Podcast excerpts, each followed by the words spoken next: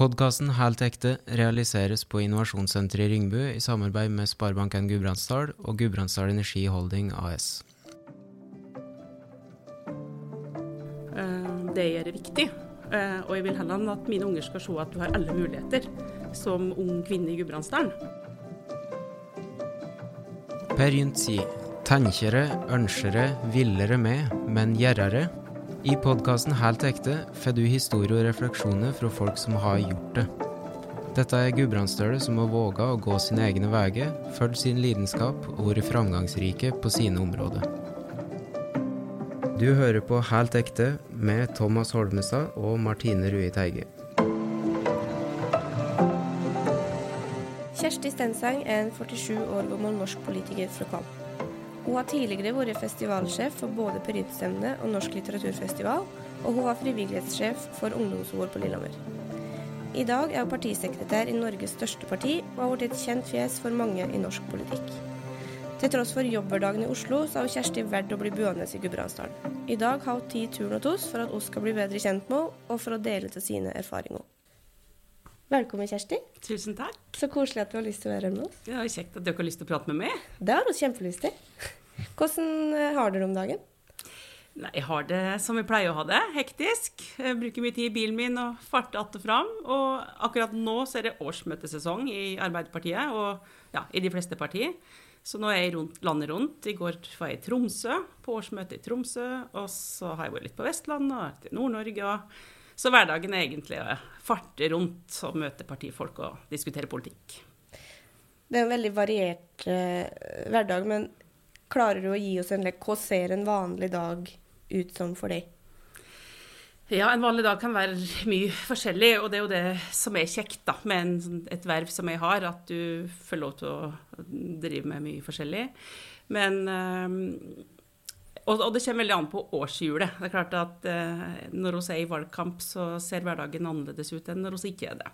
Så nå om dagen så er det ja, mye reising fordi det er årsmøtesesong. Jeg er ute på medlemsmøter og eh, endelig starta opp igjen med fysisk aktivitet skulle jeg si, etter koronaen. Eh, og vi er jo en stor medlemsorganisasjon. Eh, og har et stort behov nå for å få opp igjen aktiviteten. Få i gang, eh, ja, som de fleste medlemsorganisasjoner. Som hun ser på frivilligheten og idretten og alle, så er det det å komme i gang igjen med aktivitet, gi medlemmene våre et tilbud, eh, det har liksom hovedfokus nå. Så bruker jo selvsagt mye tid på kontoret på Youngstorget i Oslo. Etter valget, når vi endelig kom oss i regjering, så har jeg brukt veldig mye tid på alt det som eh, skal på plass når du skal danne en regjering. Eh, få på plass hele det apparatet.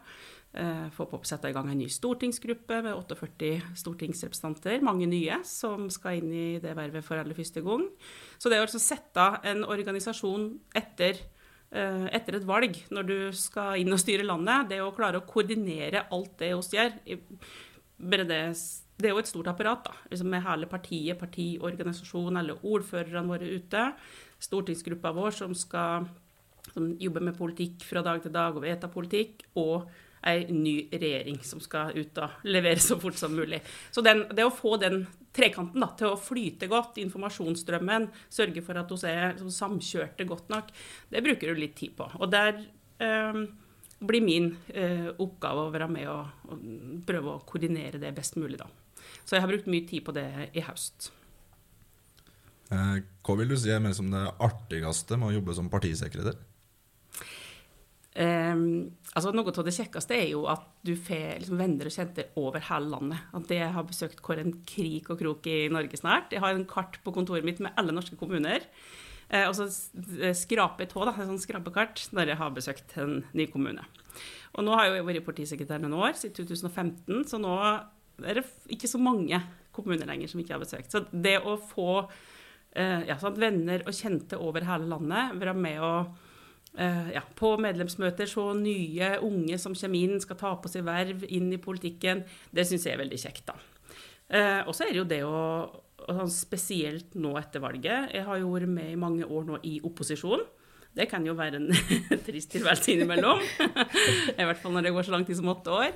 Men det å være med å ta over makta, som vi gjorde i høst, sånn som det er alvoret det, men samtidig altså den innflytelsen du har, da, den makta du har, muligheten til å være med å forme og se at det du faktisk jobber for, gir resultater.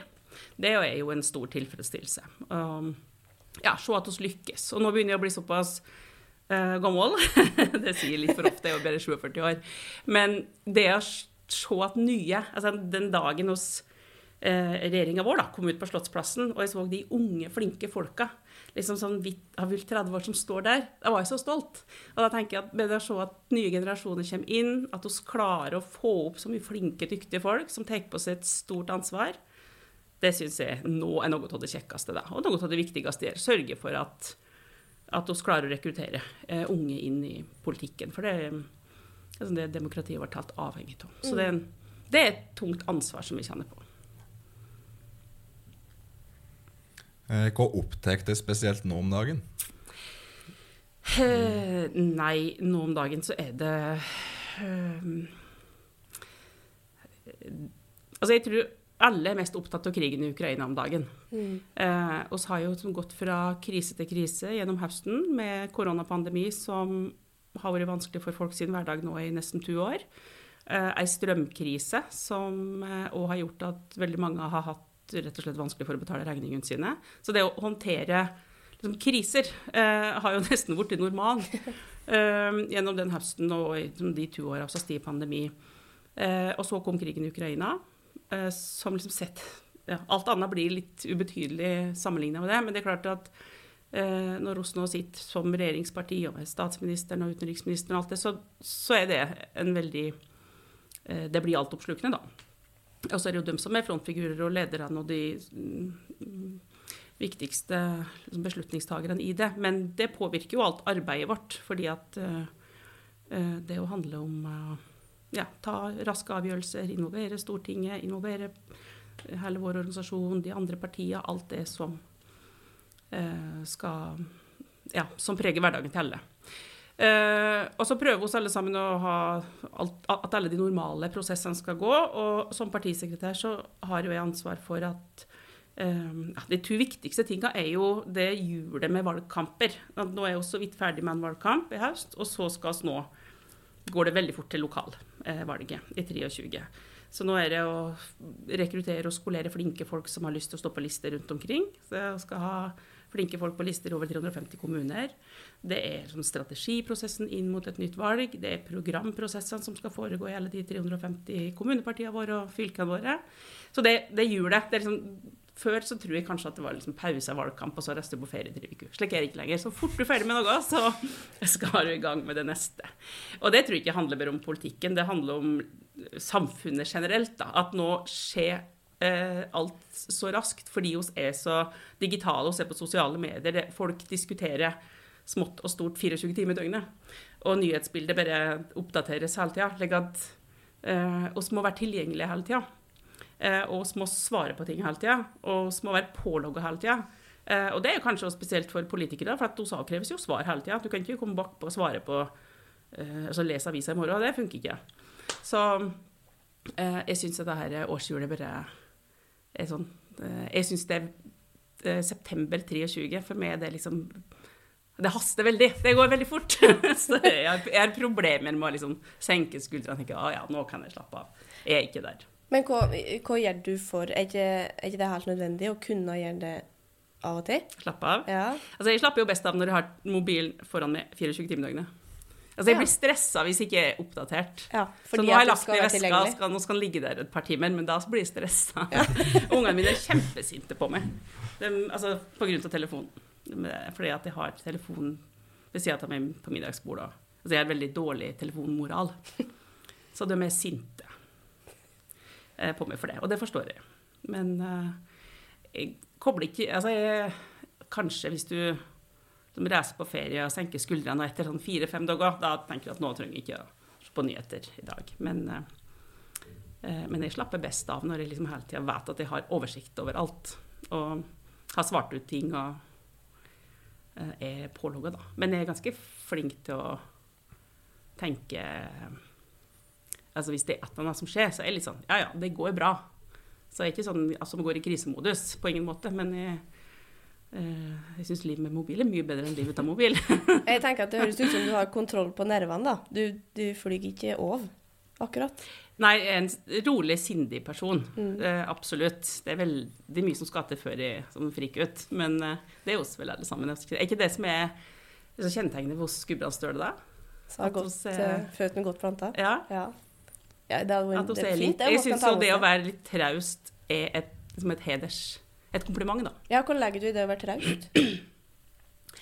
Nei, jeg legger i hvert fall ikke noe negativt i å være traust. Mange tenker at det er litt sånn bakstreversk og litt sånn uh, engstelig for nye ting. Men jeg tenker at traust er som å være litt solid og stå litt støtt og uh, Ja, litt sånn rolig og sindig, da. Uh, jeg tror jeg Ja, jeg syns traust er liksom et hedersord. Da ser jeg for meg oss eh, solide gudbrandsdøler. Det- Ja.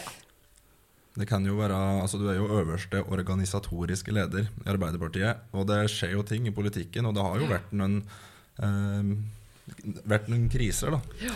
Og da skal jo du stå i dette, og da kan det jo være bra å være traust og solid. ja. Men hva er det for det når det skjer ting? Og du skal stå i det og lede partiet?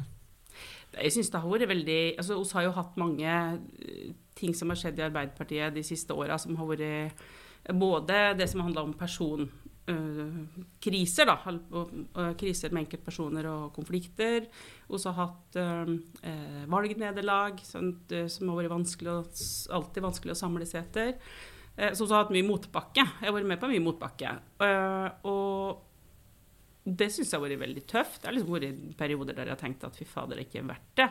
Dette orker ikke. Og spesielt når, når du får eh, sånn den runden vi hadde med metoo og folk som måtte gå av og alt det, så, så var det en stor krise. Som både selvfølgelig for Arbeiderpartiet og flere partier som opplevde det, men jeg personlig og syns det er kanskje noe av det tøffeste jeg har vært med på. fordi at eh, eh, ja, det river opp eh, det blir ikke noe kjekt lenger hvis eh, det blir en kultur der folk eh, eh, blir motstandere, da, mer enn en, samarbeidspartner og kolleger som du skal være. Politikken er jo og det er jo politikkens natur at det ligger uenighet i bunnen. Hvis ikke så har vi ikke drevet med politikk. Men det er forskjell på uenighet og det som blir konfliktrelatert. Og så er jo selvsagt alt som er rundt Det blir jo veldig mediedrevet. Eh, media elsker jo den dramaturgien. Sant? Hva skjer nå? Hvem har tillit, og hvem har mistillit, og hva har skjedd? Og, um, så akkurat det syns jeg var veldig tøft, men jeg- syns altså For meg personlig, da, hadde jeg aldri, den type kriser tar det lang tid å komme over og bygge seg opp igjen, og bygge tillit. og jeg tror velgere er drittlei av sånne politiske skandaler. Så det er ikke noe bra for politikken. Men for meg personlig så tror jeg bare at jeg ble litt sterkere og tryggere av det. At du Jeg blir ikke engstelig lenger hvis en eller annen revolverjournalist sender meg melding og ringer meg, så tenker jeg at det du spør om, er så Når det sto på som verst, så fikk jeg vondt i magen. Sånn, hvis VG ringte meg før jeg la meg. Jeg tenkte, Fy fader, liksom, hva er det at nå? Ja. Kan, kan overskriftskarm ha nå? Skal den handle om meg? Men den, der merker jeg at jeg har fått en helt annen trygghet da, etter å ha vært med på den slike stormer. Jeg tenker at eh, det går bra, tenker jeg nå.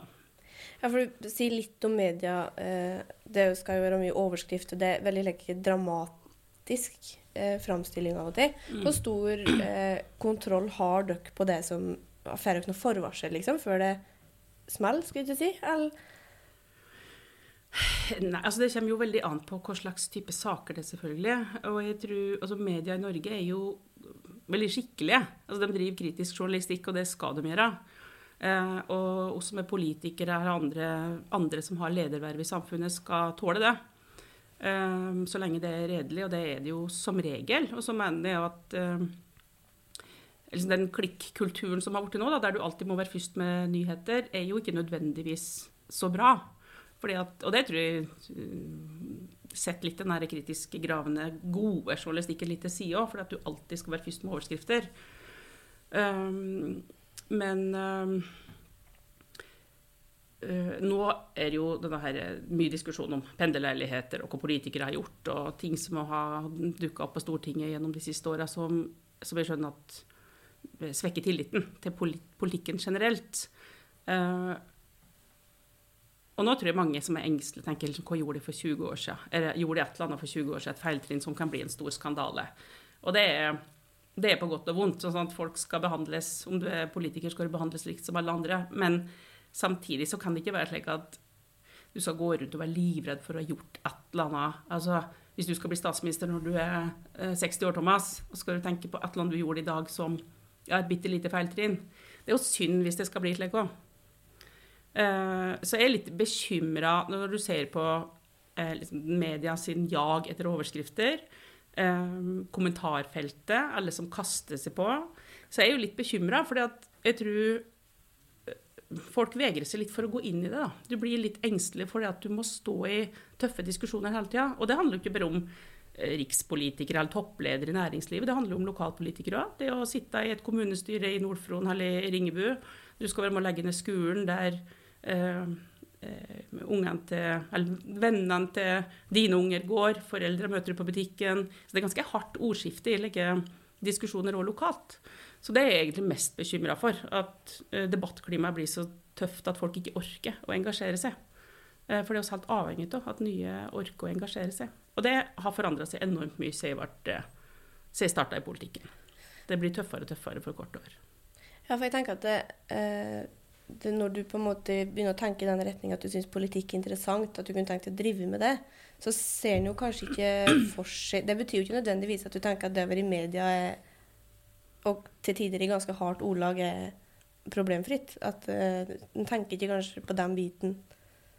Nei, og det ser jo sikkert dere òg. Sånn du er på Facebook. Hvis du mener noe har legget ut noe som du tenker kanskje er litt kontroversielt, så, så tenker du om en ekstra gang skal jeg orke det. Skal jeg orke å svare på det kommentarfeltet gjennom hele helga. Gidder å få all den hetsen. Uh, så det kan være, Nå har jo jeg mest erfaring fra politikken, men det gjør jo på andre områder og i andre diskusjoner og i andre verv du har òg. Så, så bekymrer det meg, for det er et stort demokratisk problem hvis hun skal møtes med uh, Og spesielt så ser vi at mange unge er utsatt for det. Det ser vi i politikken òg. Ungdomspolitikere er utsatt for hets og Det trenger ikke å være liksom, de mest grove tinga, men det er summen av alt det negative, da. Så jeg tenker at det, har noe godt, det er noe mye positivt med at folk engasjerer seg, er til stede i debatter. Uh, men hvis det skal fortsette å utvikle seg på den måten her, så, så er jeg veldig bekymra. Ikke for min del, men for dem som skal eh, komme etter. Mm. Nei, Du sa jo tidligere her at eh, noe av det du likte best med jobben din, det var å få reise rundt i hele Norge. Ja. Men du er jo fra Kvam, ja. her i Gudbrandsdalen. Mm. Eh, kunne du fortalt oss litt om eh, oppveksten din? Ja, eh, det kan jeg gjøre. Jeg er egentlig trønder, ikke trønder, men jeg bodde i Trøndelag til jeg var fire år, og så flyttet vi til Kvam. Eh, min oppvekst er nok eh, ganske lik mange andre, både Kvamvær og Frønninge og Gudbrandsdøle hatt et, eh, en trygg og god oppvekst. Med to eldre søstre og mor og far. Og uh, gode venner, og som husker barndommen egentlig bare som ganske problemfri. Med besteforeldre som naboer og som familie og uh, ja, alt det som jeg tror kanskje er litt likt det som ungene våre opplever nå. Med ja, hatt gode år på skole og Uh, ikke noe sånn spesielle Jeg har ingen minner fra barndommen som jeg tenker var så spesielt vanskelig. Eller, nei, så jeg syns det var trygt og godt. Sykla Du Martine vet jo det. Jeg sykla Jeg bodde jo på midt imellom liksom, Akvam og Vinstra, mm. Gardvegen. I andre enden. Fæl ende vil komme han, sier sikkert. så eh, sykla jeg nå som regel Gardvegen, da. Besøkte vennene mine på ettermiddagen, og så sykla jeg hjem igjen. Og så var det å være på skolen og det er den fineste veien, det. Ja, det er fineste veien. Ja. Det er fineste veien. Nei, så, um, så ja, Far min var jo ordfører når jeg, var, eh, når jeg vokste opp. Han var jo det i 24 år, så han var der liksom hele min ja, helt til jeg var voksen. da. Så jeg likte veldig godt å være med ham på jobb, og ble egentlig tidlig interessert i det. Så veldig kjekt å være med på kommunehuset. Sitte tegne og være med, og sitte få lov å være med dem som satt og jobba ved sentralbordet der. og så, ehm, så jeg var liksom, å være med han på oppdrag og ut på ting, det syns jeg var veldig kjekt. Så jeg var, ble egentlig tidlig litt interessert i det. Henge med på 1. mai og på ting som han var ute på. Men husker du hva det var ved det som først eh, var spennende?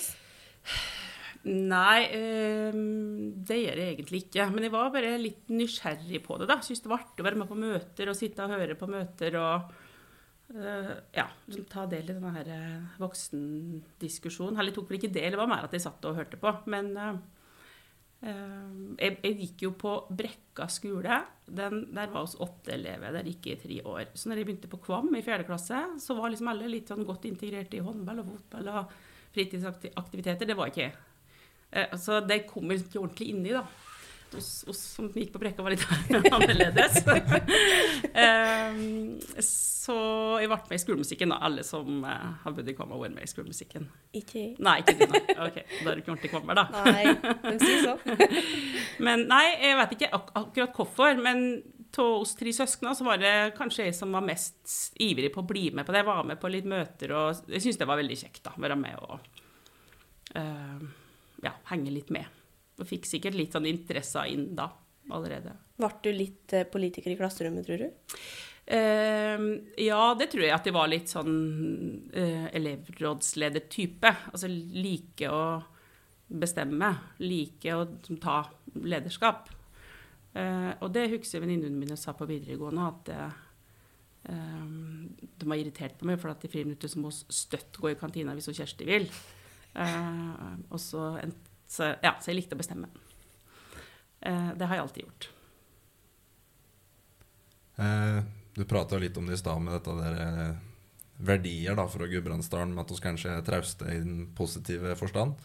Men uh, Det er sikkert stigmatiserende når de sier det. Det er sånn ja, jeg er det- helt enig, og Ja. vi har diskutert det før òg, at uh, traust er ikke nødvendigvis et negativt ord. Nei.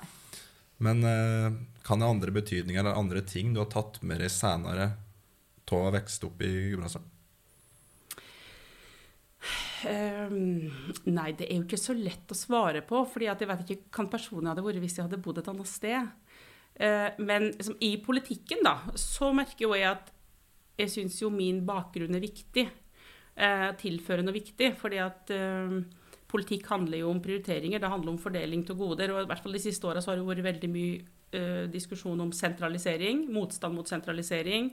At det skal være like godt å bo og leve i hele landet. Så jeg med min bakgrunn merker jo at jeg har et annet perspektiv inn i politikken enn det folk som har bodd i en stor by hele livet, har. Og jeg får jo litt denne her piggene ut med en gang når en prater om liksom, bygda som noe negativt. Uh, og at vi subsidierer liksom, distrikta så mye og bruker så mye penger på det. Og, um, så den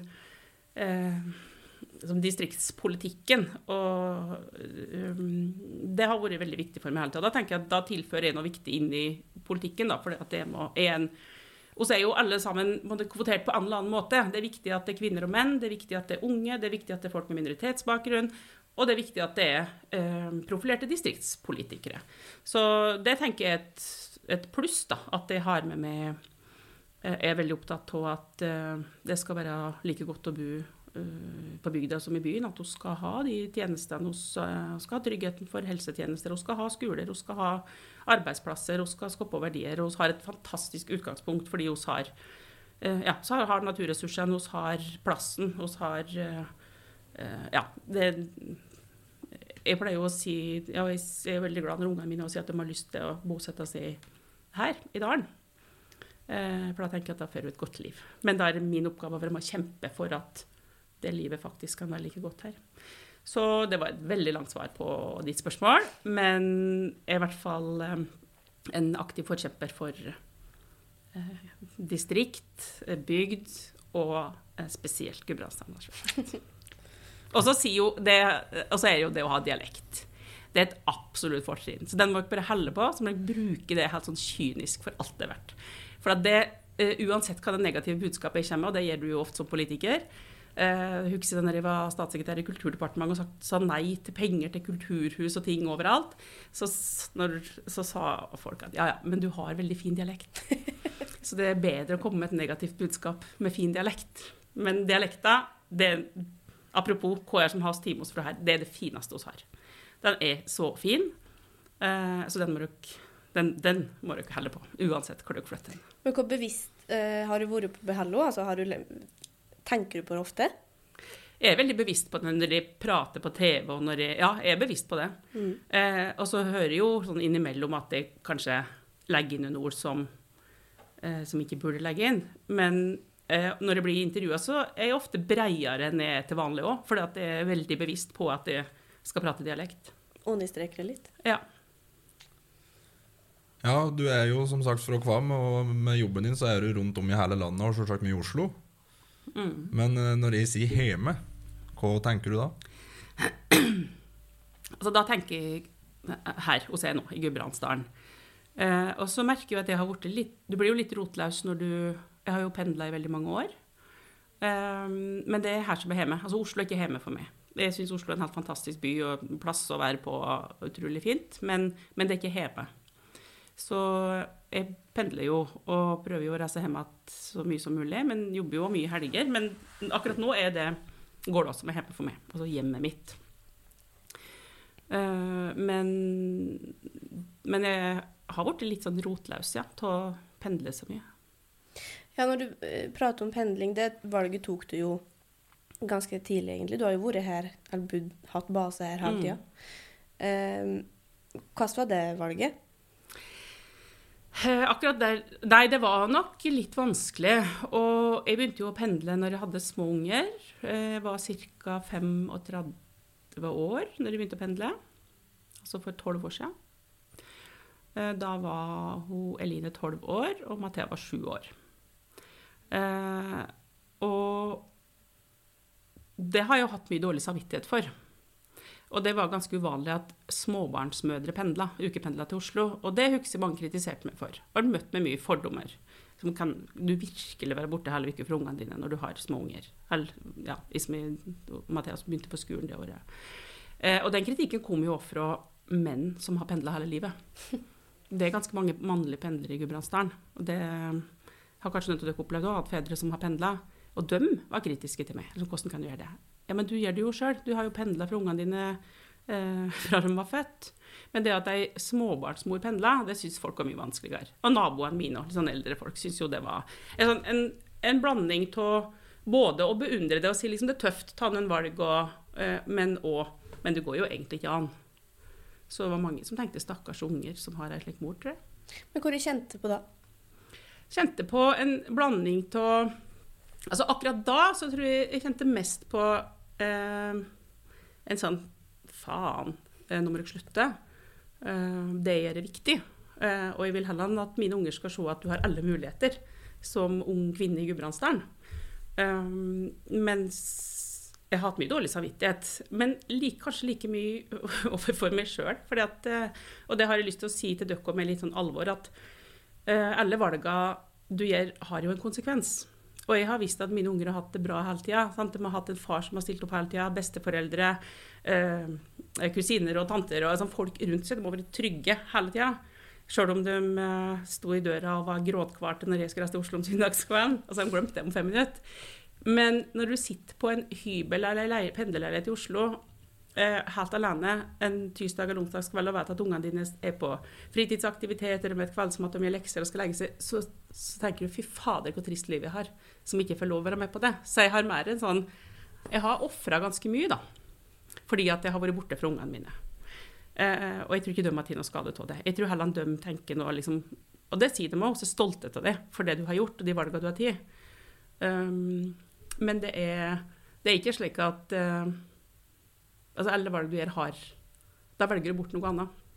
Og det er jo tid, egentlig. da. Det er tida som jeg syns uh, at jeg har fått Hvis jeg skulle vært opp igjen nå, når jeg prater med uh, jenter i 20-åra De unge stortingsrepresentantene våre som kanskje reiser langt fra Nord-Norge, har små unger, borte hele uka, så sier jeg at jeg vet ikke om det er verdt det. Jeg kan ikke si til dere at det er verdt det. Men det er så utrolig lett å si etterpå. Når du ser ting i retrospekt og tenker liksom, hvordan hadde livet mitt vært hvis jeg hadde levd annerledes, så tror jeg veldig mange som har jobba mye, vil si jeg skulle ønske at jeg hadde hatt mer tid med ungene mine. Men det er jo ikke sikkert jeg hadde gjort valget annerledes hvis jeg hadde vært ung nå. Så slik er det uansett hvilket valg du tar. Så tenker du OK, hvis jeg hadde prioritert annerledes, hadde det vært bedre? Det vet du ikke.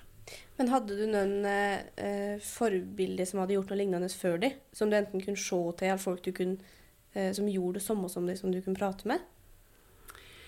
Um, altså når jeg ikke som akkurat har gjort det samme, men nå høres det jo ut som jeg levde for 100 år siden. Det gjorde jeg jo ikke. men eh, Nei, det var ikke så mange damer, liksom, småbarnsmødre, som, som gjorde akkurat det jeg gjorde. Eh, men jeg var jo i et miljø i politikken der det ikke var så uvanlig. slik at jeg hadde jo et nettverk av folk å prate med som tok like valg som meg. Eh, og Eh, nå høres det ut som at dette var veldig vanskelig for meg. Det var det ikke, men jeg har tenkt mye på det i ettertid. Fordi at vips, så går livet så fort, og så er ungene dine store, og så tenker du sånn Oi, hvor ble det av den tida?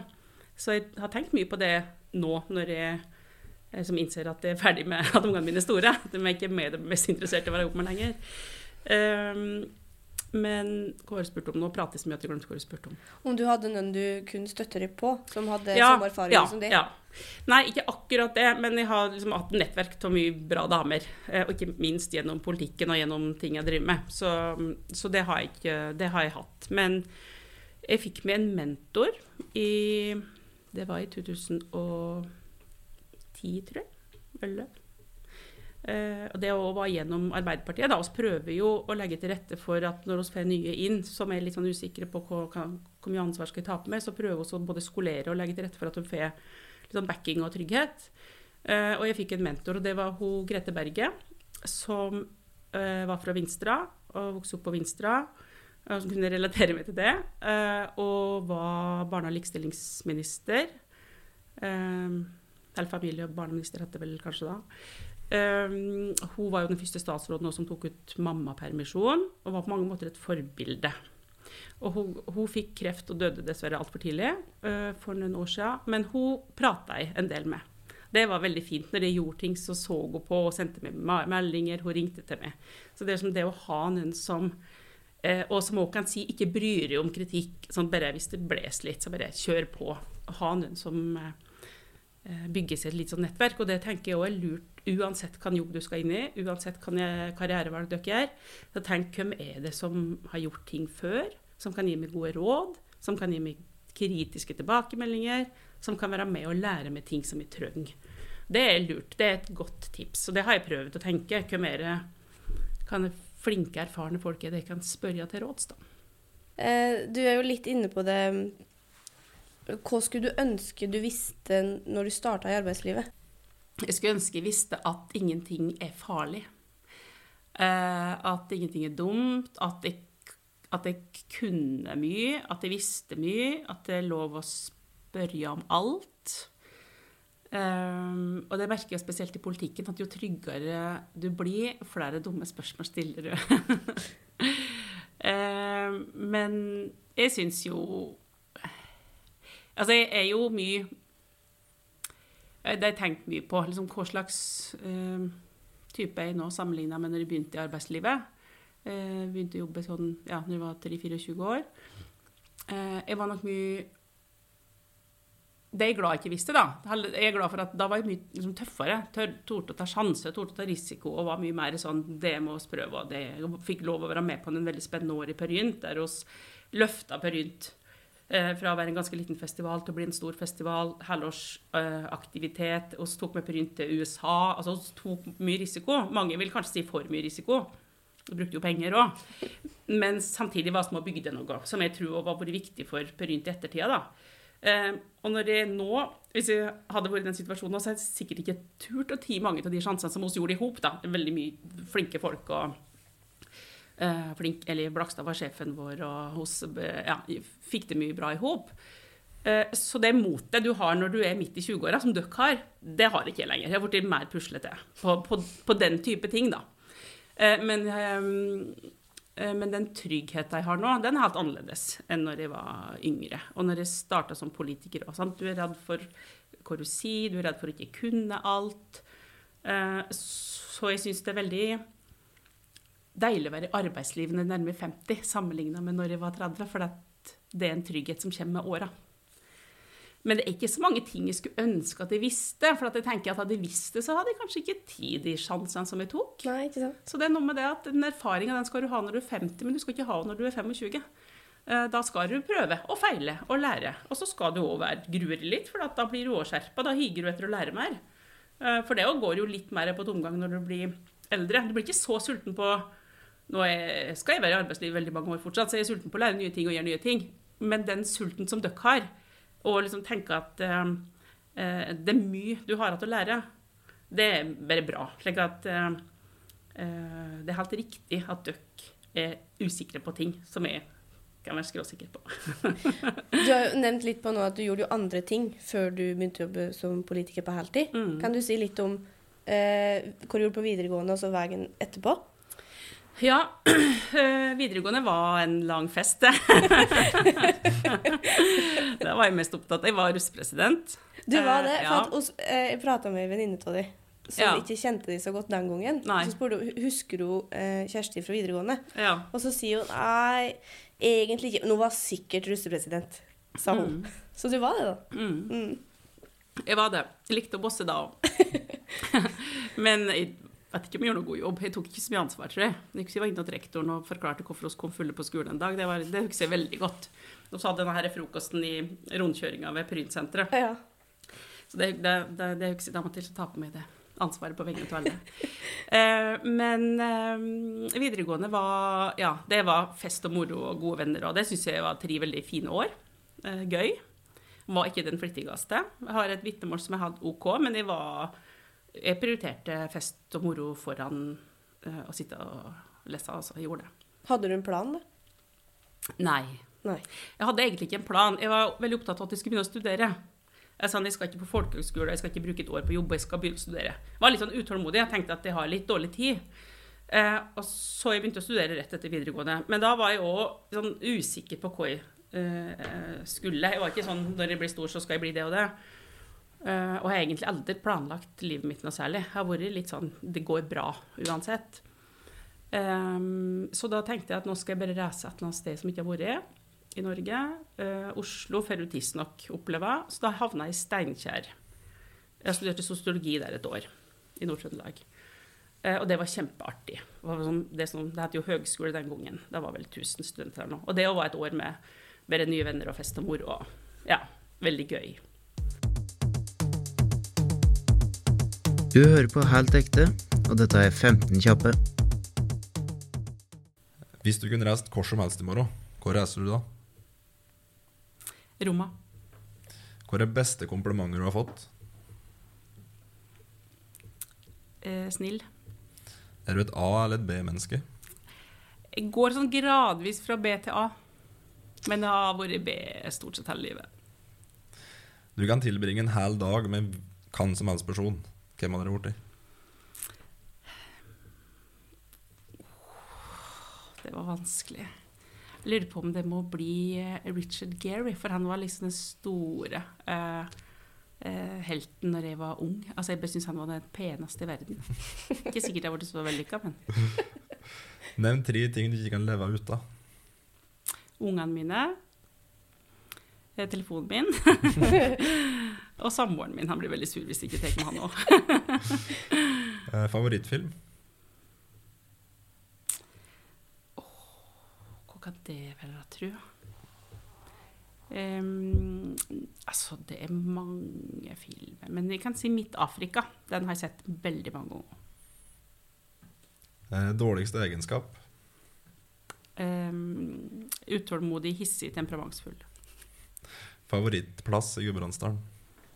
Det er hytta mi på Gålå. Vil du ha hatt en høglytt eller nysgjerrig nabo? Nysgjerrig. Slipper å høre den så ofte. Hoppe i fallskjerm eller gå Birken på ski? Gå Birken. Eh, eta ute eller eta hjemme? Ute. Vin eller øl? Vin. Alltid 20 minutter for tidlig ute eller alltid 10 minutter for sen? 10 minutter for sen, dessverre. Eh, vaske gulv eller skifte dekk? Vaske gulv. Jeg har aldri skifta dekk i hele mitt liv. New York eller Rondane? Nei, Nå har jeg veldig lyst til New York, for det er mange år siden.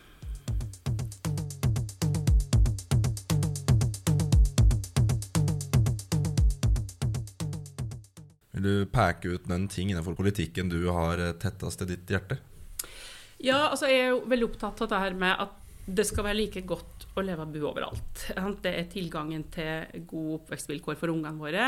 Barn, altså det mest grunnleggende er jo det viktigste. Og når dere skal bestemme dere for hvor dere skal bo, det må dere svare på sjøl, men det er jo sånn, hvis du får en interessant jobb, så betyr det veldig mye. Så det å ha tilgang på kompetansearbeidsplasser og et variert eh, arbeidsmarked over hele landet er veldig viktig. At arbeidsplasser legges overalt, ikke bare i de store byene. Eh, så det er jeg opptatt av.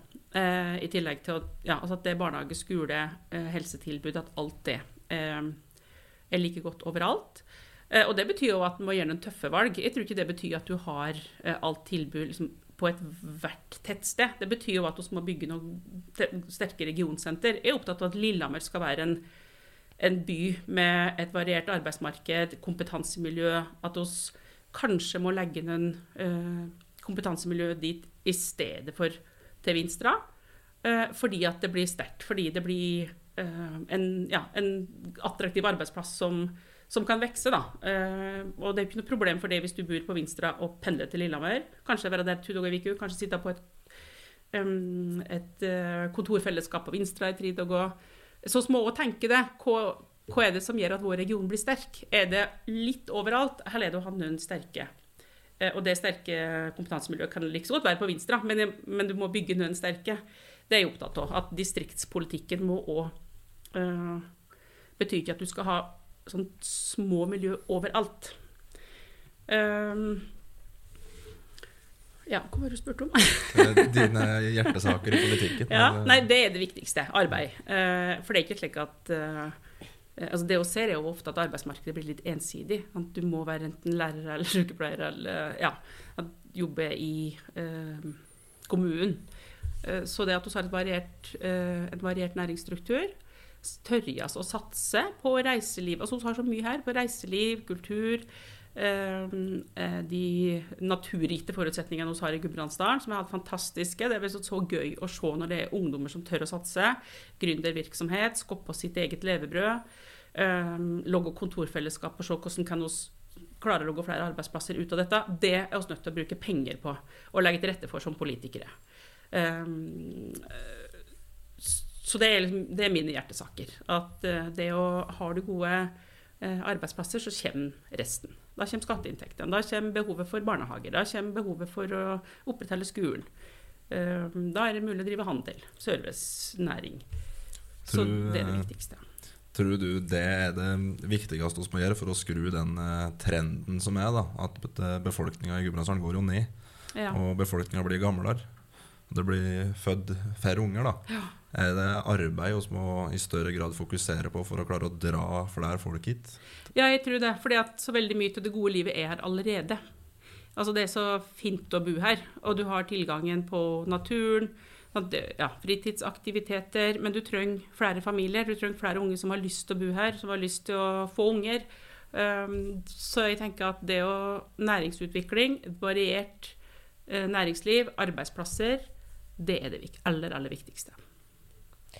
Du har jo prata en del om eh, kvinners rettigheter.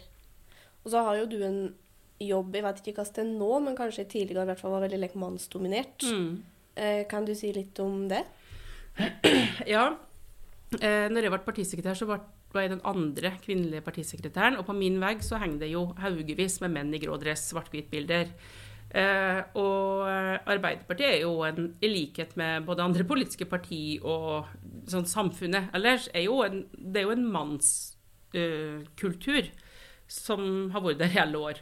Um, og jeg sier jo ofte det til når vi har kurs og skoleringer for våre nye unge damer som skal inn i politikken, at noe av det aller viktigste med at jeg er partisekretær, er jo at jeg må bryte den strukturen. Jeg bygger med et nettverk med damer rundt meg. Jeg gir dem muligheter. Jeg ringer veldig ofte våre kvinnelige ordførere eller andre for å spørre om råd. Eh, slik at jeg må bygge en kultur der damer får større plass.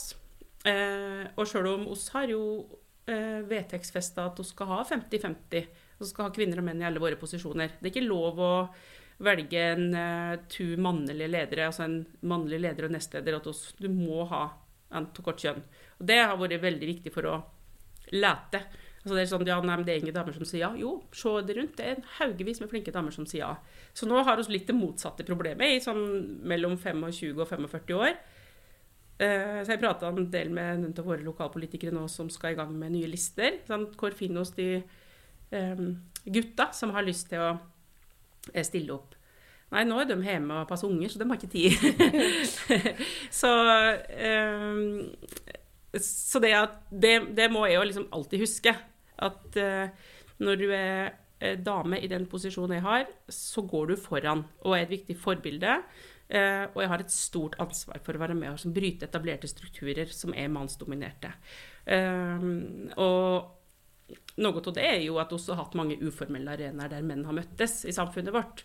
Uh, der kanskje ting blir bestemt på bakrommet, eller ting blir bestemt over en øl etterpå, der damene forter seg hjem for å legge unger mens menn går ut og tar en øl. Og nå er jeg jo litt sånn generalist, men dere skjønner hva jeg mener. Så det har jeg også vært veldig opptatt av, at beslutningen må tas rundt bordet på det møtet der folk er til stede, ikke sånn prating på bakrommet etterpå. Fordi at alle skal være eh, rundt bordet når beslutninger blir tatt. Um, ikke på skituren eller i badstua Ja. Så vi er jo ikke i mål. Vi ser jo at kvinner slutter i politikken mye uh, Altså, de, de varer mye kortere enn menn. Hvorfor det, tror du?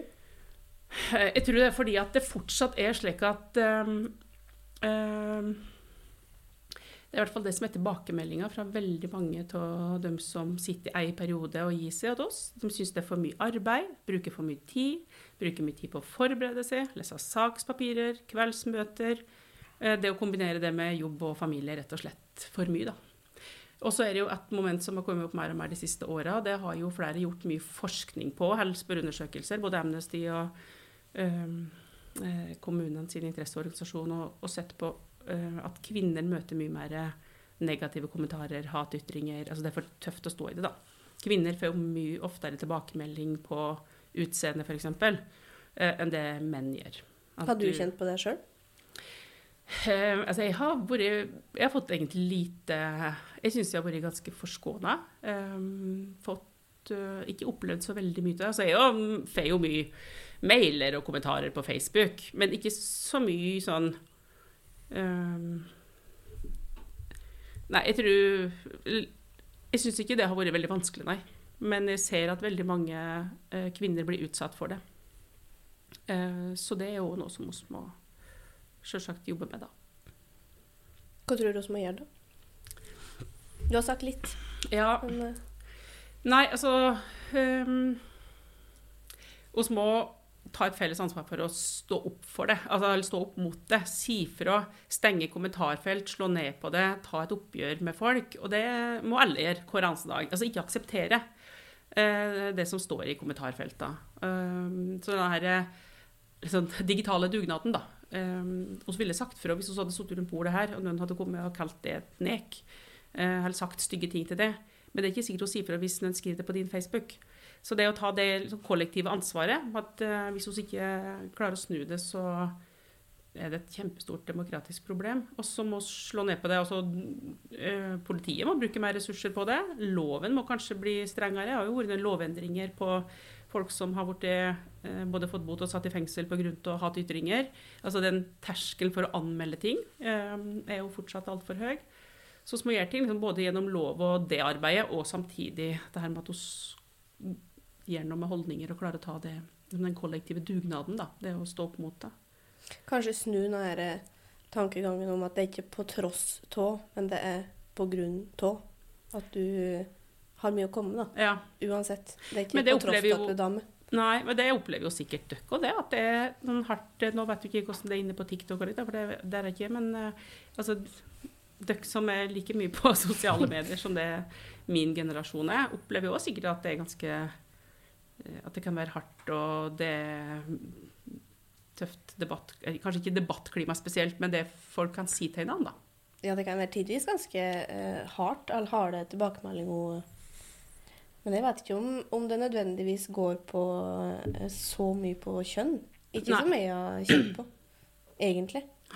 Nei, mitt inntrykk er nesten det at hvis en skal tenke på vanlig oppførsel over nett, så er det nesten så generasjonen vår er bedre skikka enn generasjonen din, Kjersti. Det har du hatt rett i. Eh, på mange ting jeg ser blir skrevet i diverse kommentarfelt når det blir diskutert ting som kan være følsomme for folk.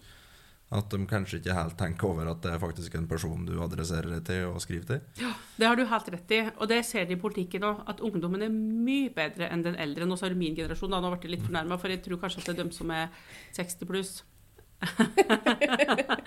Eh, Men det har du helt rett i. Og det er menn i 50-60-70-åra. De er verst. Så de har mye å lære av ungdommen, og min generasjon. Sant? Jo eldre, jo verre. Det er jo generaliserende, men, men slik er det. Uh, at um, det er mange godt voksne som sitter og dundrer løs uten å egentlig tenke over hva de sier og gjør. Ofte, tror jeg òg. Så dere er forbilder der.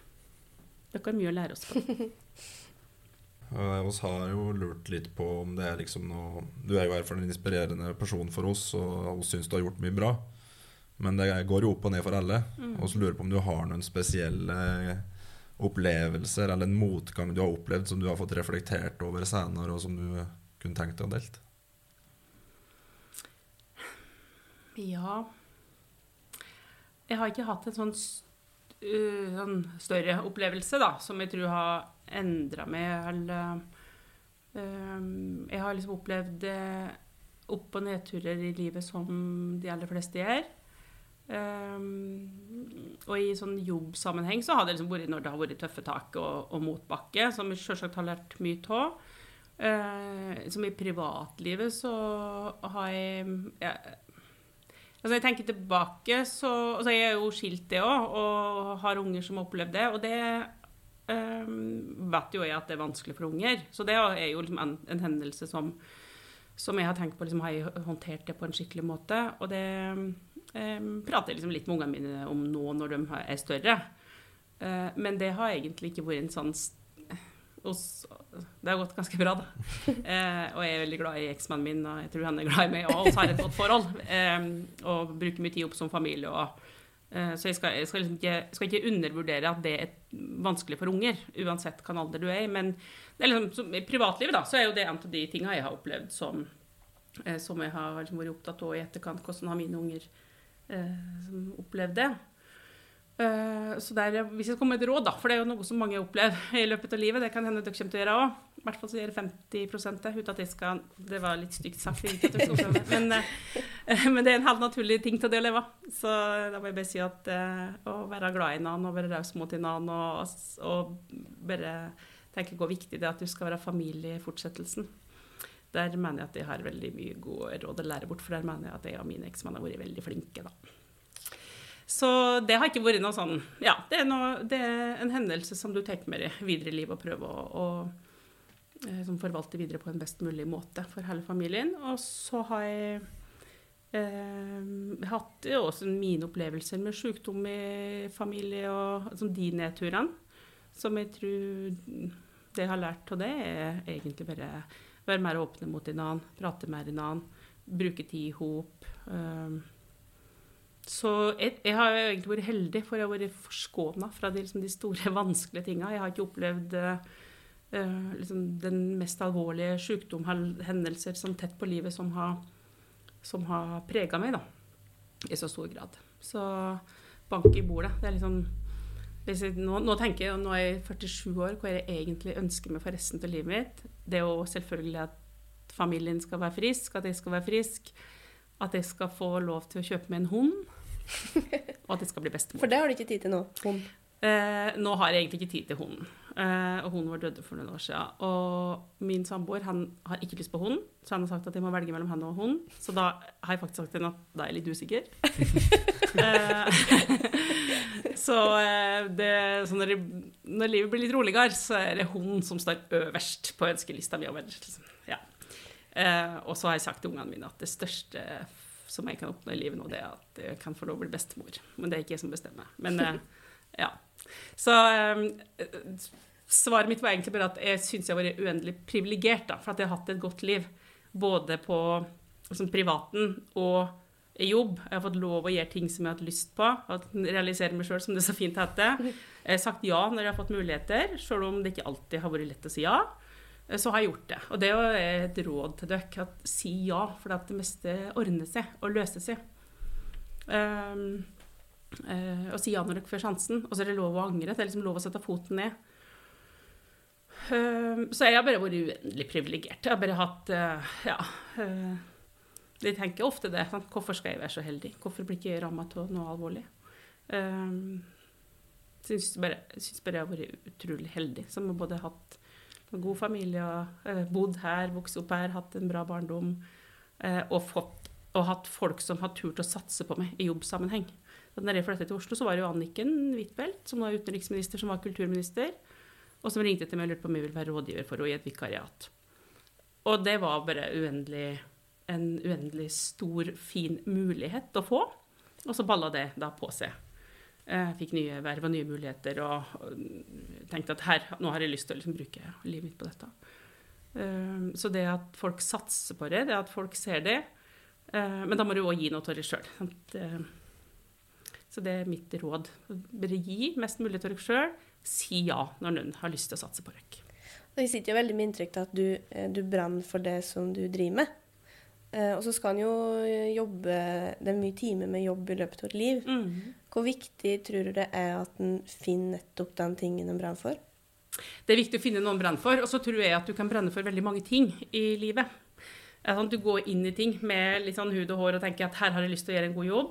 Eh, det meste er interessant, bør du begynne å jobbe med det. Det sier jeg alltid til våre stortingsrepresentanter òg. Når de kommer om høsten, så har de Å, jeg har så lyst inn i utenrikskomiteen jobbe med utenrikspolitikk. Jeg har så lyst til å jobbe i utdanningsfraksjonen og få lov å jobbe med utdanning. For alle skal jo inn på ett område.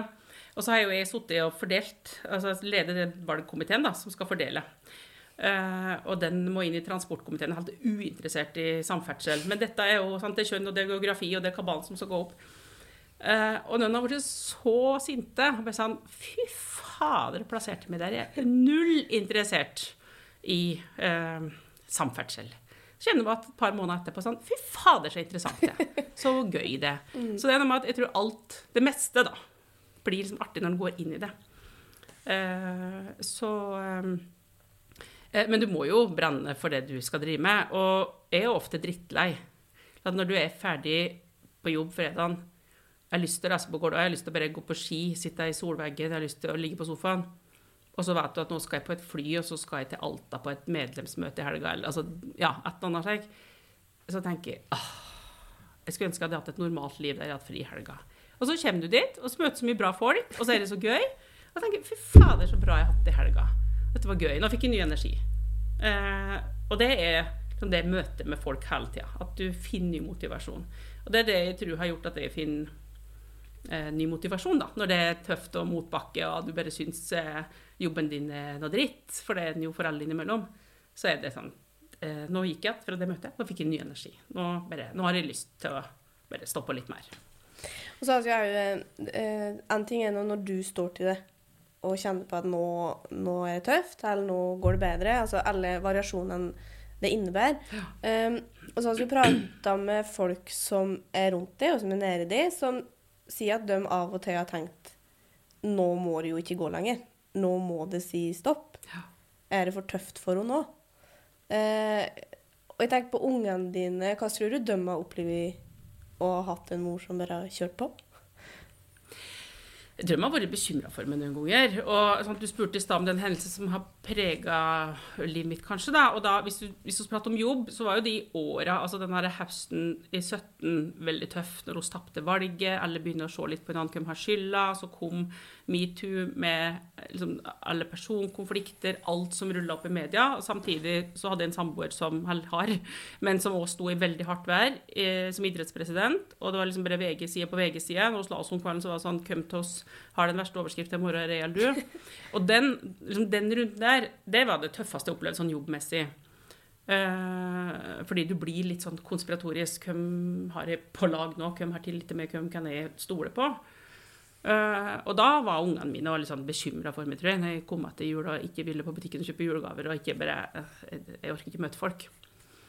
Men sier de det da, at de er bekymra for dem? Ja, ja, det gjør de. De sier det. De er sånn 'Mamma, nå, um, nå prater ikke du mer i telefon. Nå går du og legger deg.' Uh, Hva gjør det med deg, da? Mm, jeg tenker sånn kloke unger jeg har, tenker jeg da. Eh, og så er det jo fint å være liksom, så åpen med dem, da, at jeg kan sitte og si fy fader, nå, nå syns jeg det er vanskelig. Eh, og så har jo de vært med altså, de har måttet vært med meg veldig mye på jobb. Hengt med meg, fått vært med på ting, og, eh, slik at de som kjenner det indre liv. da, Så de forstår, forstår det.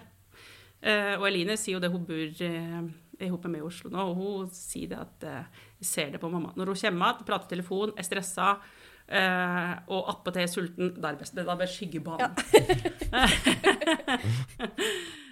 Sånn uh, type krisehåndtering, det kunne vært et eget fag. Det er jo folk som Mm. skriver bøker om dette. Og det, så jeg nevnte jo på det i stad, men det kan jo virke som du sa ikke så mye om deg sjøl egentlig, og hvordan du sto i dette, for at du har jo vært ganske solid. da. Ja. Og du har jo nå, som du sier, 2017 var dette. Mm. Nå vant dere valget.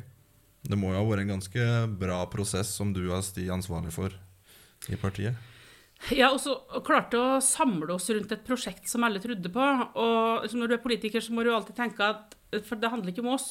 Eh, og et, folk og velgere er bare drittlei å høre om enten det er skandaler eller konflikter eller det i politikken, om det er Arbeiderpartiet eller Høyre eller noen andre partier.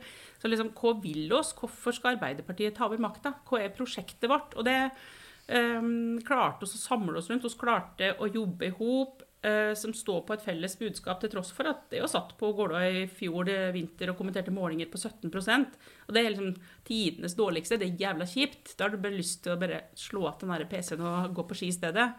Eh, men det klarte oss sånn sakte, men sikkert. Alle fikk liksom sjøltilliten, trua på oss sjøl. Så det var en enorm tilfredsstillelse i høst. Jeg tenkte jo det før valget at nå har jeg jo vært med ganske lenge. Eh, hvis vi bare vinner det valget, det må jeg være med på nå. Sørge for liksom, å få gjort det. Eh, og da er det ikke så farlig etterpå. Og så gjorde vi det, og så fy fader, nå fikk jeg en ny motivasjon. Det var bare en, var bare en veldig stor tilfredsstillelse, da. For det er jo noe du har jobba med veldig lenge, og så klarer du å altså, nå det målet. Og slik er det jo i alle eh, Uansett hvilket yrke og hvilket prosjekt du jobber med, så er det jo en enorm tilfredsstillelse når du ser at et lag som både har vært gjennom mye motgang i hop, men òg klarer å liksom, dele den seieren da, som et lag. Så det syns jeg bare var utrolig deilig.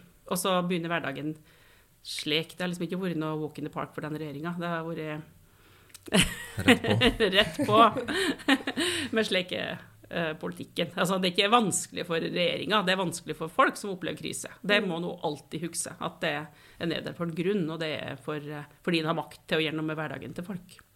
Men hva er egenskaper ved, ved det er det du tror har vært viktigst for at du har klart det? Eh, nei, si det. Um, altså, jeg um, prøver å være eh, åpen, redelig, hardtarbeidende. Eh, prøve å være pragmatisk eh, og, liksom, ja, og samlende, da. Tenke at jeg må lede et stort parti med veldig mye ulike folk. Eh, så det er òg min rolle å prøve å bidra til samling, ikke minst nå etter at vi har vært gjennom valgnederlag og tøffe tider. Det å eh, ja, eh, bidra til å samle laget. Og det, det tror jeg Det er det sikkert egenskaper på godt og vondt, men, men eh, eh, det å sånn, være pragmatisk, da, prøve å se ting fra begge sider, prøve å eh, liksom, i hvert fall være raus mot dem som er eh, Kanskje du oppfatter mindretallet i det, slik er det jo alltid i politikken, og du går på oppturer og nederlag, eh, og så skal du gå videre som et lag. Men jeg tror kanskje noe av det her trauste kommer inn da, som noe bra. Eh, Anniken pleide å si det når hun var min sjef, at eh, når jeg var rådgiver for henne, at hvis det var noe som var veldig vanskelig, liksom, og bare det var grunn til å frike ut om en sak som du som statsråd ofte opplever, så måtte vi sette oss ned, så måtte hun bare sitte og se på meg, for da var jeg sånn bare ro, roe oss ned. og bare sitte og roe oss ned. Så jeg tror jeg har noe sindig og rolig som er bra i krise, da. Og når, hos, når jeg prata med ei venninne av deg, tidligere kollega, så spurte hun om det var en, et uttrykk hun tenkte på når hun tenkte på det. Ja. Har du en idé om hva det kan være? Mm. Som du sier, altså? Et uttrykk som jeg bruker. Mm. Faen. Og det sier jeg veldig ofte. Nei, det var det Nei, ikke. det var ikke det, altså. Nei. Det var Men det ordner seg. Ja, Det ordner seg. Vi Ja. finner ut av det. ja. ja, men det pleier jeg å si. Mm. Ja. faen si mer for meg sjøl. Nå skal jeg slutte. Det er kanskje å se, å se lufta. Ja. Det ordner seg, det sier jeg ofte, ja. Og det gjør det jo. Ja. Det ordner seg. Alltid.